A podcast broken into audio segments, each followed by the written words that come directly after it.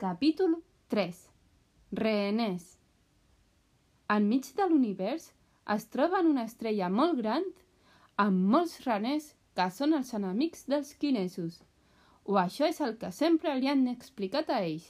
Tots els reners miren com la barca s'aproxima amb els quinesos mentre ells en la barca discuteixen de si anar-hi allà o no, perquè són els reners. Per culpa d'aquesta baralla, s'estampen contra l'estrella dels raners i es veuen rodellets d'ells amb molta por. Els raners els ajuden a aixecar-se, li arreglen la barca i li donen una benvinguda espectacular. Es queden sorpresos del fet que siguin bons i no dolents. Glàrima, agafada d'un rené, comenta que es poden quedar allà per sempre. Sigurd comença a explorar aquesta estrella que no arriba a ser planeta i parla amb la família reial dels raners. Falta el pare reial, però no us preocupeu, que jo, deudor, els cuidaré sempre. O, hola, bon dia, o, o bona tarda. Soc Sigurd i vull explorar universos. Ho diu nerviós per veure la filla de la família reial. La reina dels raners s'acosta a ell i al seu amic Jan mira els altres amics i a la seva germana que estan tocant totes les coses que n'hi ha en aquesta estrella. Un munt de capes, corones, copes, collars, anells i objectes antics de la reialesa. La reina es presenta a Sigurd. Soc Medea, la reina. Darrere d'en Sigurd apareix amb una capa ficada la lluna i li diu a la reina Soc la lluna, la de l'estel sense poema. Altesa, disculpi els meus amics, però no tindries un poema per a mi? Sigurd fa un gest perquè la lluna callés. Disculpi, majestat, però... diu Sigurd sense deixar d'apartar la mirada de la seva filla. Medea, amb un somriure, observant a cadascú d'ells, li diu amb suavitat que no li tracti de majestat. Millor, Medea. Tinc una cosa per vosaltres. Sou un bon grup de quinesos.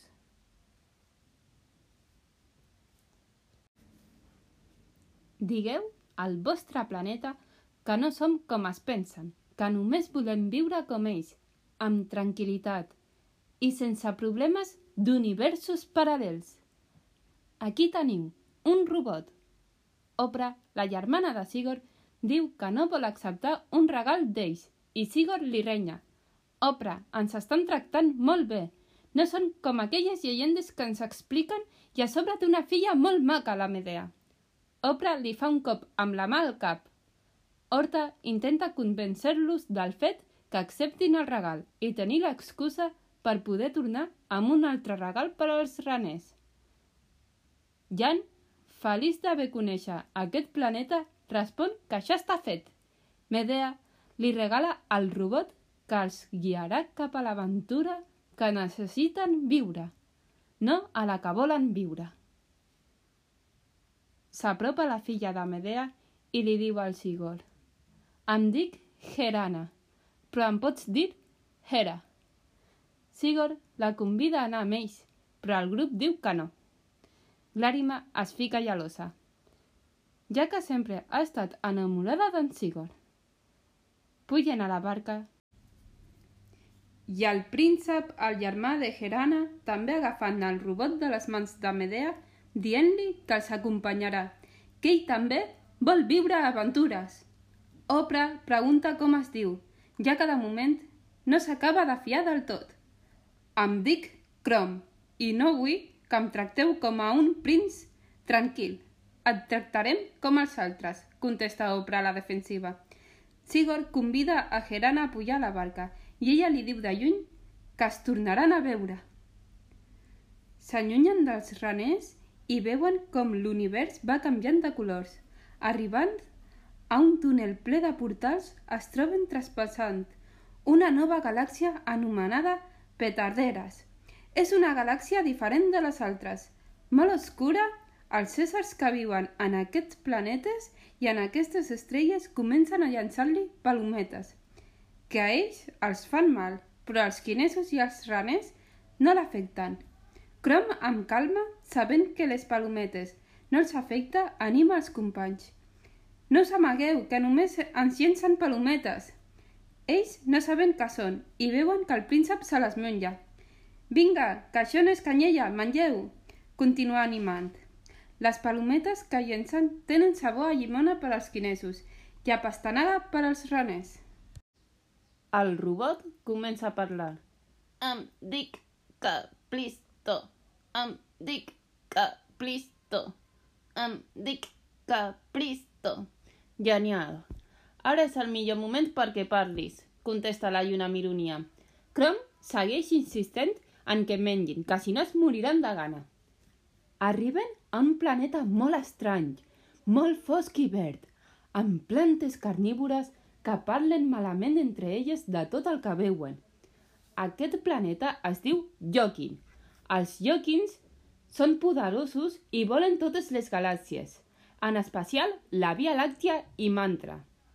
Baixant amb por de la barca menys el príncep i la lluna, que van molt feliços per ser-hi amb un grup d'amics que no coneixien, van els primers i els altres darrere tremolant. Sigor avisa de que no se separin, per anar als set junts.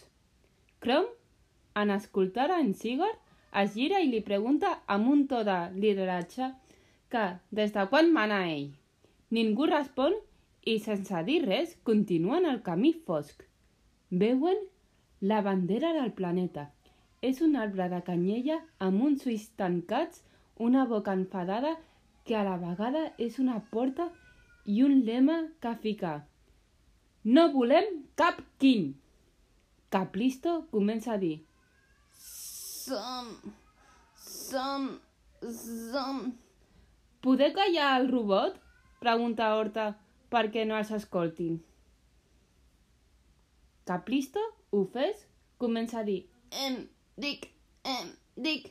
Glàrima respon, abans que acabi de parlar, que es diu Caplisto. Que, si us plau, no faci soroll. Crom recorda que el robot està per ajudar. Mirant la bandera i diu que, almenys, no posa reheners. Els altres el miren amb una mica de ràbia. T'ha passat, diu Caplisto. En apropar-se a la bandera, Horta comenta que entri el Jan primer, perquè és el més tímid. Ell respon que no vol ser el primer. Discuteixen qui vol o hauria d'entrar el primer, excepte Oprah, que diu que entrarà ella i els altres li poden seguir. Sigurd, en desacord amb la seva germana, insisteix que entrarà ell primer pel fet que estan tots allà per culpa seva. Amb la discussió, no s'adonen que la Lluna i Crom ja estaven dins de feia estona.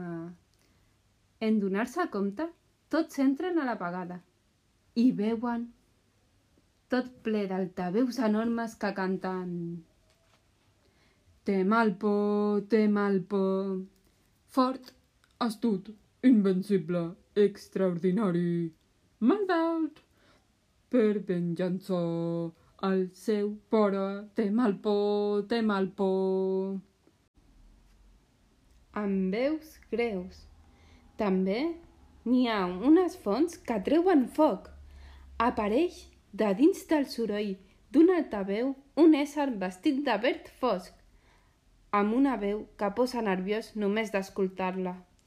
Soc Temalpo, creador de la galàxia Petarderes. Veig que us acompanya un René. Com us atreviu a venir aquí? No teniu més galàxies on anar-hi? Seriós i enfadat. La lluna comença a parlar. En realitat, Sigurd li fa un cop perquè no digui res. S'apropa a Crom i es presenta. Seguidament, presenta els companys. Soc Crom. Ell és Sigurd, el culpable d'aquesta aventura i enamorat de la meva germana Herana. Eh, avergonyit. Continua amb les presentacions. Ella és Oprah, la germana de Sigurd. Ella és Glàrima, futura reina de René. Glàrima riu amb ironia. Horta guarda un secret, però no sé quin és. Tots la miren i ella diu que no amb el cap. Ella, tan moguda, és la Lluna. Per mi, la jefa d'aquest grup. I per últim, en Jan, l'únic que no té número. Eh, em, eh, em, es queixa Caplisto. Temalpo els explica que ja els coneix, ja que controla tot el que passa en totes les galàxies, excepte en la Via Làctia. Va ser un càstig del seu pare no poder saber què passa en aquella galàxia.